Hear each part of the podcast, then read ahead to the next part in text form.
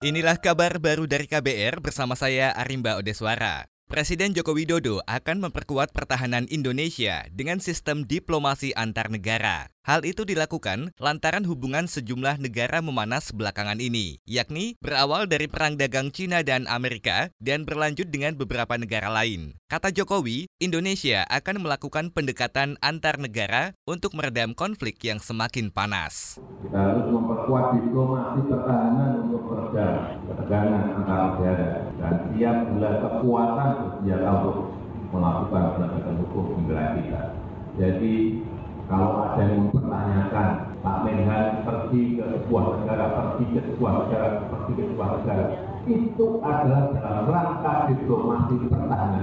Presiden Jokowi mengatakan telah mengutus Menteri Pertahanan Prabowo Subianto ke sejumlah negara. Tujuannya selain menjalin hubungan baik, juga untuk mengincar alat utama sistem persenjataan atau alutsista yang akan dibeli untuk pertahanan. Jokowi ingin ke depan alutsista TNI semakin canggih. Ia juga telah memerintahkan Kementerian Pertahanan mulai memikirkan untuk memiliki pesawat tanpa awak.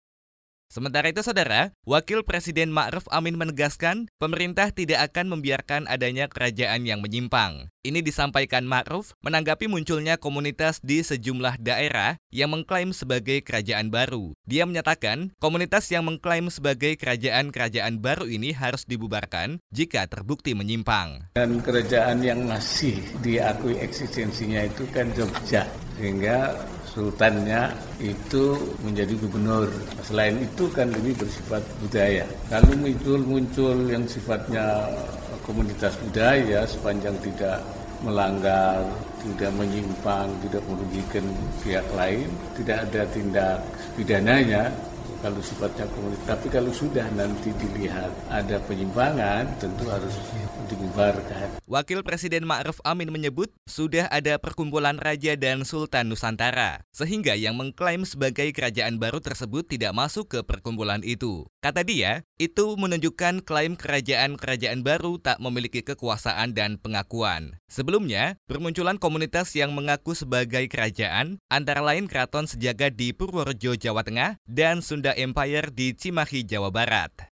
Beralih ke informasi saham saudara, Indeks harga saham gabungan IHSG pada Bursa Efek Indonesia hari ini menguat. Selengkapnya disampaikan jurnalis KBR Siti Sadida Hafsyah. Saudara, pada perdagangan hari ini indeks harga saham gabungan pada Bursa Efek Indonesia dibuka menguat 0,17 persen atau 10,55 poin ke level 6.244. Jika dibandingkan dengan nilai pada penutupan perdagangan kemarin, pergerakan IHSG berakhir turun tipis 0,08 persen atau 4,70 poin ke level level 6.233,45. Mengutip dari bisnis.com, IHSG memang diprediksi bergerak menuju zona hijau sebab analis mengindikasi adanya potensi rebound pada pergerakan IHSG sehingga berpeluang menuju ke area resistance. Sementara itu, berdasarkan data Bloomberg, nilai tukar rupiah hari ini dibuka menguat 5 poin atau 0,04 persen ke level 13.641 rupiah per dolar Amerika Serikat.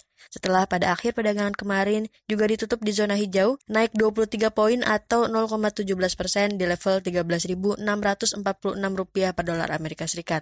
Dari Gedung Bursa Efek Indonesia, Siti Sadidah Hafsyah melaporkan untuk KBR. Kita beralih ke Cilacap, Saudara. Pemerintah Desa Padang Jaya Cilacap, Jawa Tengah tak bisa mengalokasikan anggaran pendapatan dan belanja daerah atau APBDes untuk pembangunan hunian tetap korban longsor di lahan relokasi. Akibatnya, relokasi puluhan korban longsor Jatiluhur terkatung-katung. Kepala Desa Padang Jaya Tarsono mengatakan, di desanya ada 26 keluarga yang harus direlokasi karena longsor. Namun, Pemdes tidak bisa menganggarkan lantaran terbentur aturan, sebab dana desa hanya bisa digunakan membangun tanah berstatus milik desa. Adanya dana tanggap darurat, sampai sekarang di tahun 2020 itu sudah boleh. Hal itu pun masih sebatas anggaran tanggap darurat itu hanya untuk pembelian logistik keperluan masyarakat. Tapi kalau semacam tadi huntap ataupun relokasi itu belum bisa karena juga nilainya terlalu besar. Jadi status tapi status tanahnya setelah dibayar itu jadinya status tanah pemerintah daerah. Jadi tidak bisa dianggarkan dari desa juga Tidak ya? bisa karena jumlahnya juga besar. Itu kemarin kan hampir kurang lebih 650 Tarsono mengungkapkan, dari informasi yang diperolehnya, tahun ini tahap pembangunan huntap untuk 25 korban longsor adalah pematangan lahan. Baru kemudian dilanjutkan memutuskan pembangunan hunian tetap atau huntap. Dia berharap pembangunan bisa dilakukan tahun ini. Hal itu agar korban longsor bisa menempati rumahnya secepat mungkin. Pasalnya, kini 12 keluarga korban longsor menempati hunian sementara. Adapun lainnya menumpang di rumah saudara. Demikian kabar baru dari KBR, saya Arimba Odeswara.